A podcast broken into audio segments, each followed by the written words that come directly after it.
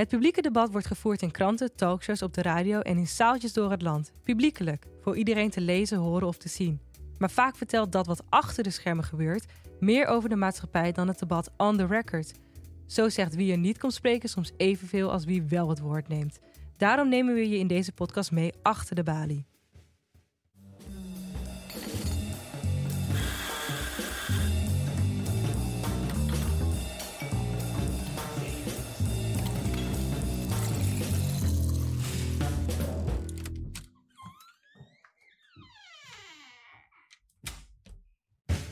In september dit jaar werd Abdelaziz A. in Rotterdam veroordeeld tot 15 jaar en 9 maanden cel omdat hij kopstuk was van een jihadistische beweging in Syrië. 15 jaar cel voor Bali-Syriër, schreef de Telegraaf. Celstraf geëist tegen Bali-jihadist, kopte het NRC. Hoe komt het dat de naam van Abdelaziz in de media zo onlosmakelijk verbonden raakte met de Bali? Wij vertellen het hele verhaal in deze aflevering van Achter de Bali. Welkom Juri Albrecht, directeur van de Bali. Uh, laten we beginnen bij het begin. Um, de Bali organiseerde een vertoning van de documentaire City of Ghost um, met nagesprek. Uh, wat voor film was dat? Ja, dat was een, een, documentaire was dat, die we vertoonden, zoals we natuurlijk heel veel documentaires vertonen. En hier had uh, Abseline Hehakaya, de toenmalige redacteur van de Bali, die verantwoordelijk was voor de filmprogrammering.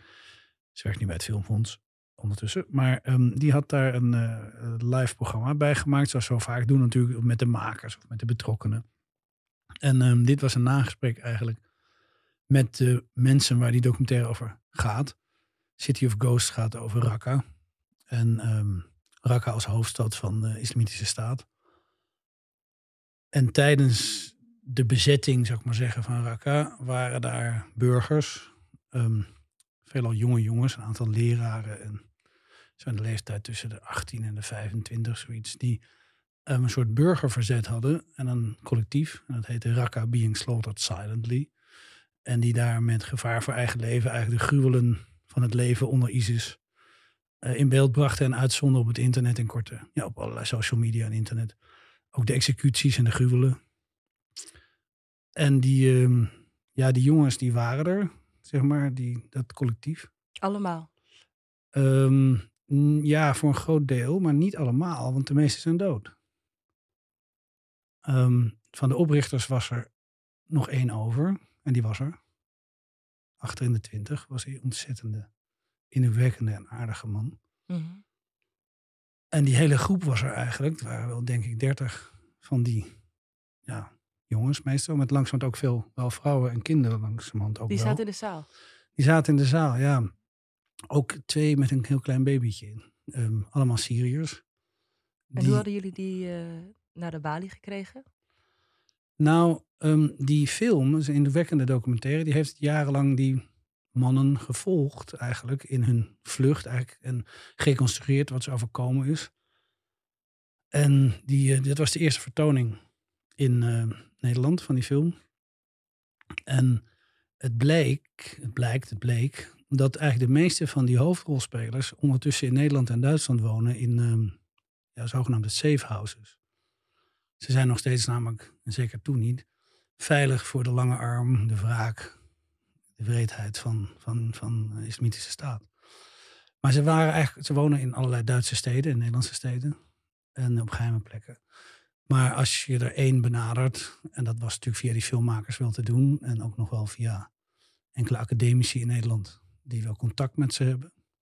Ara, professoren Arabistiek en zo. Dus toen hebben we ze uitgenodigd en toen kwamen ze eigenlijk ja, tot onze verrassing met heel veel. We hebben ze niet aangekondigd, want um, dat was te onveilig volgens de politie en de inlichtingendienst. Dus er was alleen nagesprek aangekondigd, niet met wie. En um, ja, dat, ja dat, dat, dat was een indrukwekkend gesprek, eigenlijk met twee van die jongens. Dat deed Abselien, hij elkaar deed ze erg goed ja, dat was heel indrukwekkend eigenlijk om die groep mensen die opnieuw trachten leven um, op te bouwen, te zien na die film. En ik moet wel zeggen dat die City of Ghosts, ik had hem van tevoren natuurlijk bekeken om te kijken of we hem gingen draaien. En had ik hem op mijn laptop zitten kijken in mijn werkkamer in de Bali op een, op een avond, zo'n namiddag dat het regende aan het Leidseplein. En ik keek die film, weet je, op je laptop. En ik heb toch wel veel gezien aan films en zo. De laatste jaren al helemaal. Maar zo verschrikkelijk gruwelijk en vreed. Wat die jongens overkwam. Zeg maar de. Ik, eigenlijk als ik het nu over heb, vind ik nog. Het is nog heftiger. Die, die jongens die zagen online de executies van hun ouders. Die ook naar hen was opgestuurd. Ja, en die ook, ehm, die ook. Maar die ouders ook eigenlijk een beetje de laatste woorden van die ouders, weet je wel, tegen die jongens zelf. En dan neergeschoten werden in zo'n oranje overrol en zo.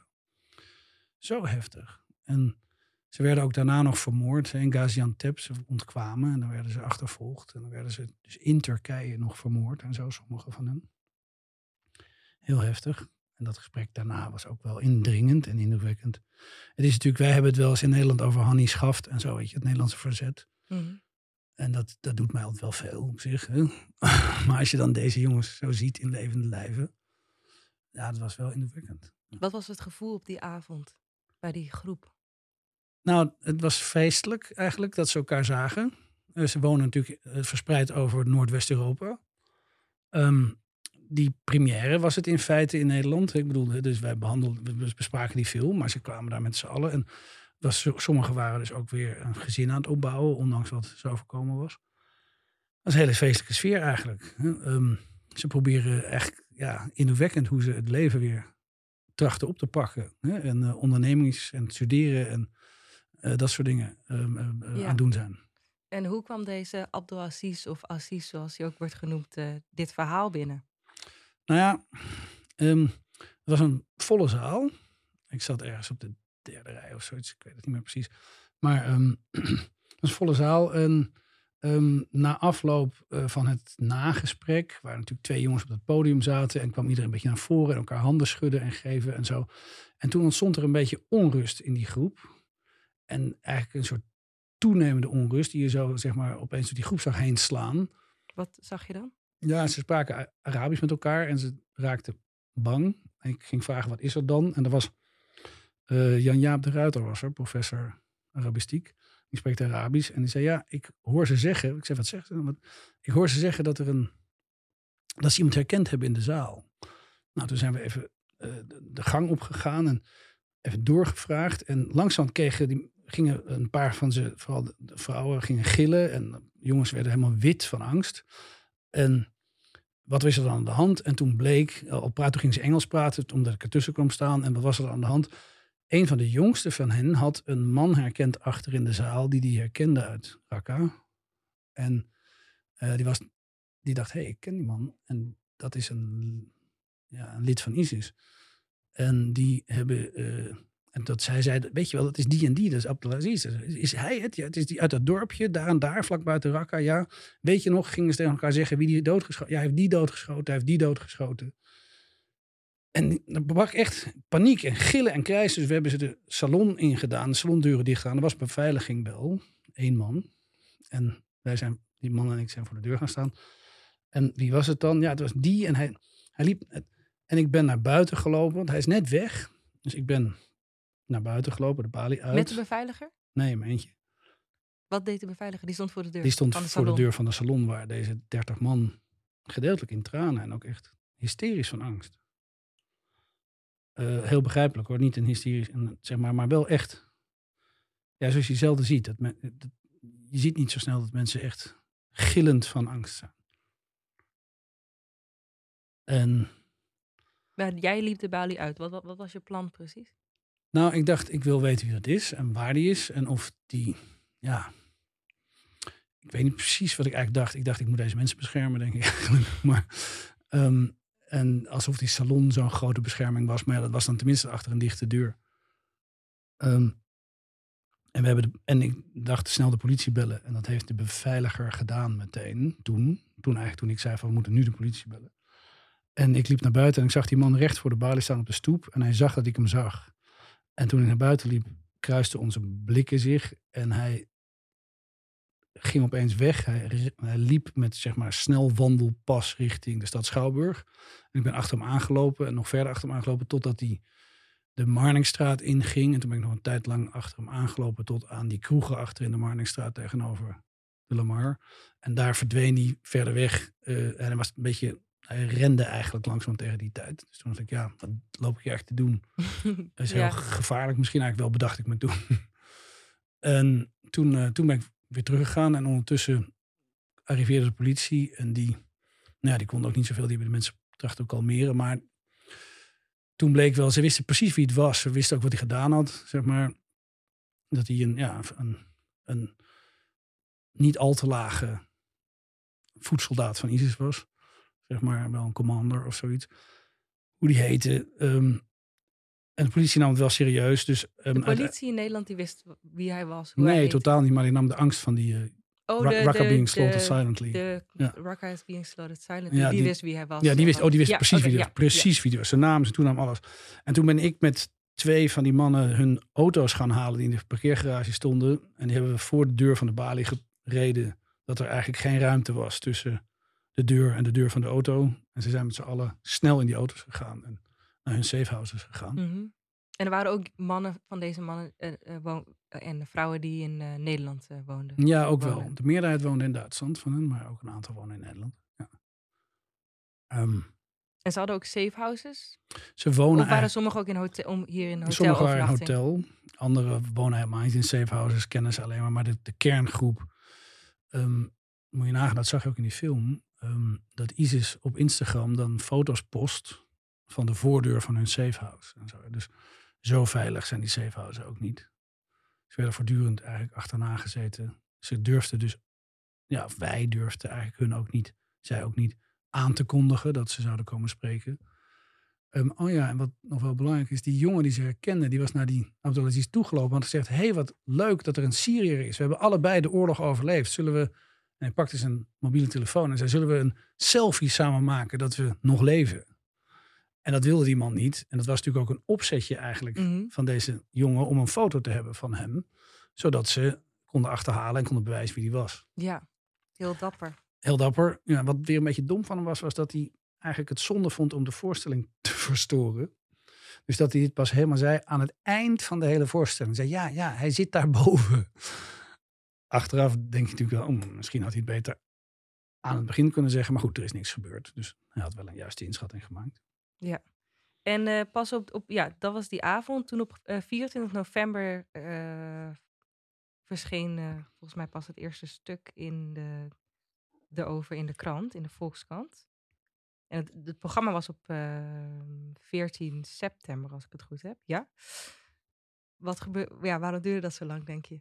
Ja, dat weet ik niet. Wij hebben het niet aan de grote klok gehangen. Want de veiligheid van de jongens en meisjes eh, eh, gaat natuurlijk eigenlijk voor alles.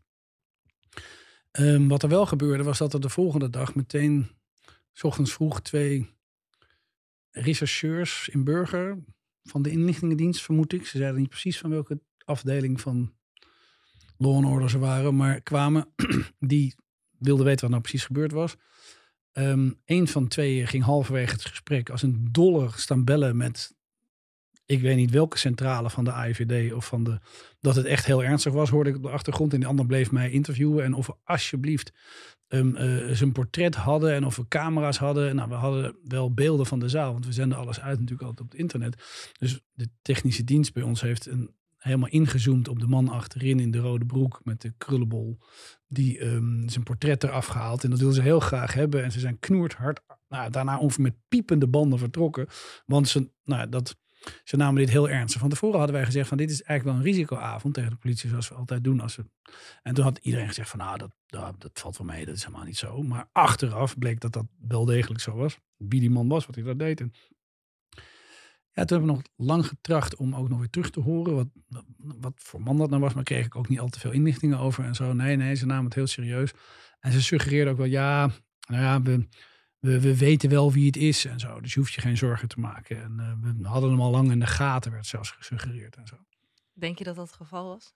Mm, nee, dat geloof ik niet. Dat Waarom laatste. denk je dat niet? Nou, um, de, de, zeg maar, de, de urgentie en ook wel paniek van die twee inlichtingendiensten, mannen of rechercheurs hè, in Burger, die, die, die, die leek toch op iets heel anders te duiden.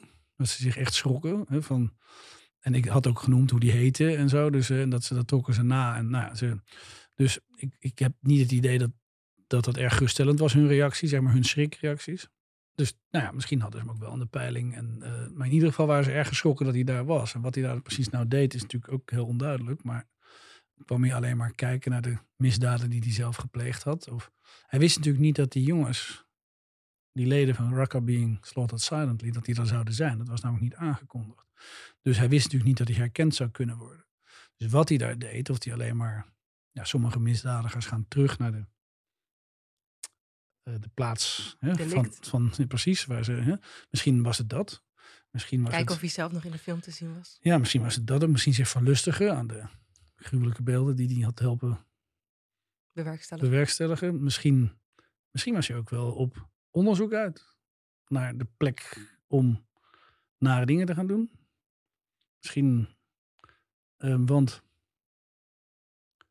uh, maanden later ja ben ik bij de minister van Justitie gevraagd.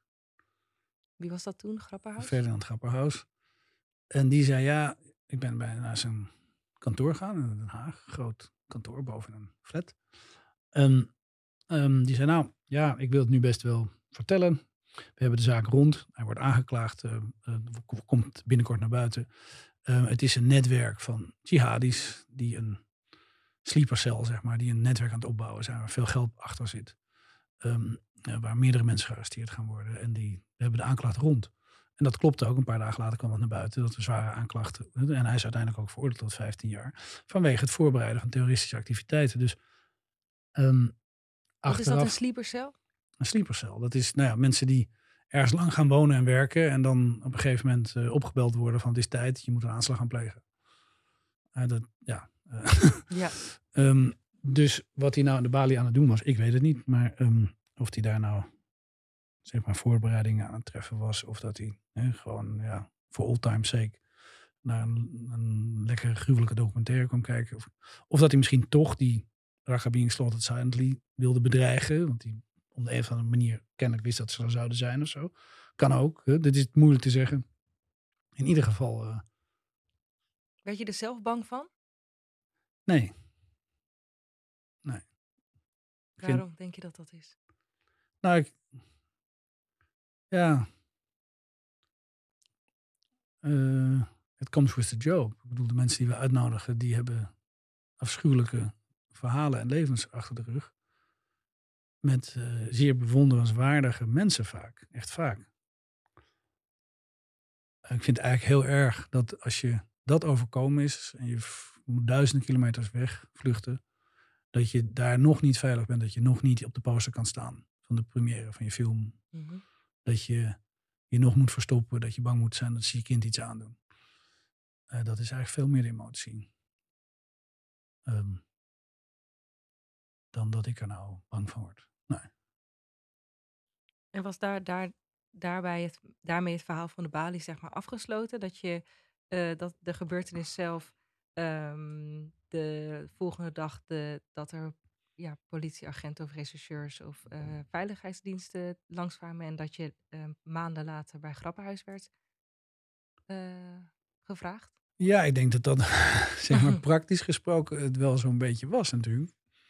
We hebben nog wel veel contact gehad met die grondlegger van, en met de anderen ook, maar van uh, Rakabin Slot. Dat zijn. We hebben daarna nog wel eens vaker evenementen met ze georganiseerd. Um, Waar ze ook waren? Waar ze ook waren, ja. Altijd wat ook weer, ja, wat dan. Mm, dat ligt niet in de lijn van dit verhaal helemaal, maar toch ook wel. Wat dan natuurlijk heel schrijnend is, dat sommige van die jongens eigenlijk geen verblijfsvergunningen krijgen. De een had een verblijfsvergunning voor Duitsland. En zijn vriendin, die ook uit Raqqa kwam, woonde in Nederland en studeerde aan een Nederlandse universiteit. En hij wilde eigenlijk graag naar Nederland om bij haar te kunnen wonen. Maar hier kreeg hij geen verblijfsvergunning natuurlijk. In Duitsland woonde die in het safehouse, maar hier weer niet. Daar heb ik nog wel eens een briefje over geschreven aan het ministerie van Justitie. Daar iets op teruggehoord? En dat soort dingen, ja, heb ik ook wel teruggehoord. En, maar de, de, de, dat, dat vind ik er zwaar aan eigenlijk. Dat je dus het, de, zeg maar, het onrecht, het leed, de vreedheid die die mensen is aangedaan, is overkomen. En dan komen ze hier weer in een bureaucratisch systeem terecht. Ja. Zeg maar. Dus, en dan wordt eigenlijk alleen maar met wantrouwen gekeken naar iemand die gewoon een verzetsheld is. Ja. En, en, en dan komt daar de, de hele bureaucratische en ook wel, hoe noem je dat? de uh, xenofobe, zeg maar. Hè? Oh, het is een buitenlander en Syrië, het zou wel niet deugen enzovoort. Over. Ja, als zou dat dan weer bij Abdul Aziz wel weer kloppen, dat wantrouwen?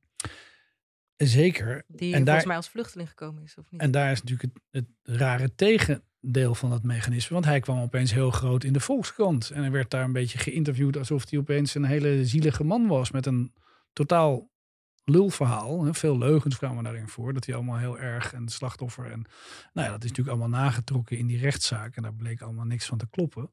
In de Volkskrant kreeg hij een pagina dat hij eigenlijk natuurlijk een heel zielig man was. En erger nog, hij kwam natuurlijk Nederland binnen omdat er een Nederlandse journaliste was die hem zo zielig vond en um, met hem uh, verzorgde dat hij een visum kreeg. En daar wordt natuurlijk dan weer, ja, ook op een hele gekke manier altijd gehuld met daders, vind ik. En deze man, Hoe doe je dat? Ja, deze man zou dan zielig zijn of zo. Deze man is gewoon een, een massamoordenaar. Hè? Die mensen onuitsprekelijke, nare, afschuwelijke dingen heeft aangedaan. En dan is er een Nederlandse journaliste en die vindt het echt helemaal normaal dat ze hè, die jongen naar Nederland had. Heeft er ook nooit spijt of berouw van. Hè, wat ze dus die, die slachtoffers van hem aandoet. Ja, dat weet je natuurlijk niet. Geeft ze zich publiekelijk nooit rekenschap van. En dat vind ik eigenlijk wel raar, want ik vind het wel schrijnend hoe weinig empathie en mogelijkheden we voor de slachtoffers hebben en hoe lang, zeg maar, we altijd meegaand zijn met daders. Ja. En wat vind je ervan dat er steeds in de krant Bali uh, jihadist staat? Bali Syriër of nou. Bali uh, jihadi? Vond ik eigenlijk zelf wel een mooi allitereren. Nou ja, goed. Ja, goed. Wat vind ik daarvan? Uh, als mensen denken dat dat is omdat wij hem uitnodigen om te spreken of zoiets. Ja, nou ja, goed. Dat is dus niet wat we gedaan hebben. Aan de andere kant hij was er ook. Uh, hij werd door ons herkend. En dan zie je maar weer het belang van mensen uitnodigen, laten spreken, de mogelijkheid geven om een, mee te doen aan een, aan een paneldiscussie en er te zijn. En, en hoe belangrijk dat is. Want um, anders was hij niet herkend. Als daar niet 30 man uit Syrië waren geweest, dan had hij in Nederland nog steeds een sleepercel opgebouwd. Mhm. En daar was Nederland niet veiliger van geweest. Dus ach, in die zin. het mag best Bali jihadist heet. Wel blij dat, hij, dat hij nu opgesloten is en dat daarmee waarschijnlijk uh, Bali jihadist niet uh, de kranten meer in, niet meer. Nou ja, nogmaals, het stoort me niet zo. Ik vind, wel, ik vind wel goed dat hij is opgesloten, absoluut. Ja, dat lijkt me een rustig, rustig gevoel en idee voor in de eerste plaats die ongelooflijk leuke jongens en meisjes van Rugby en Slaughtered Silently. Ja. ja.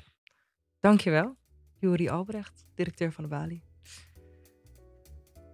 Wil je meer informatie over Raqqa is being slaughtered silently? Kijk dan op hun site. Dat is www.raqqa-sl.com.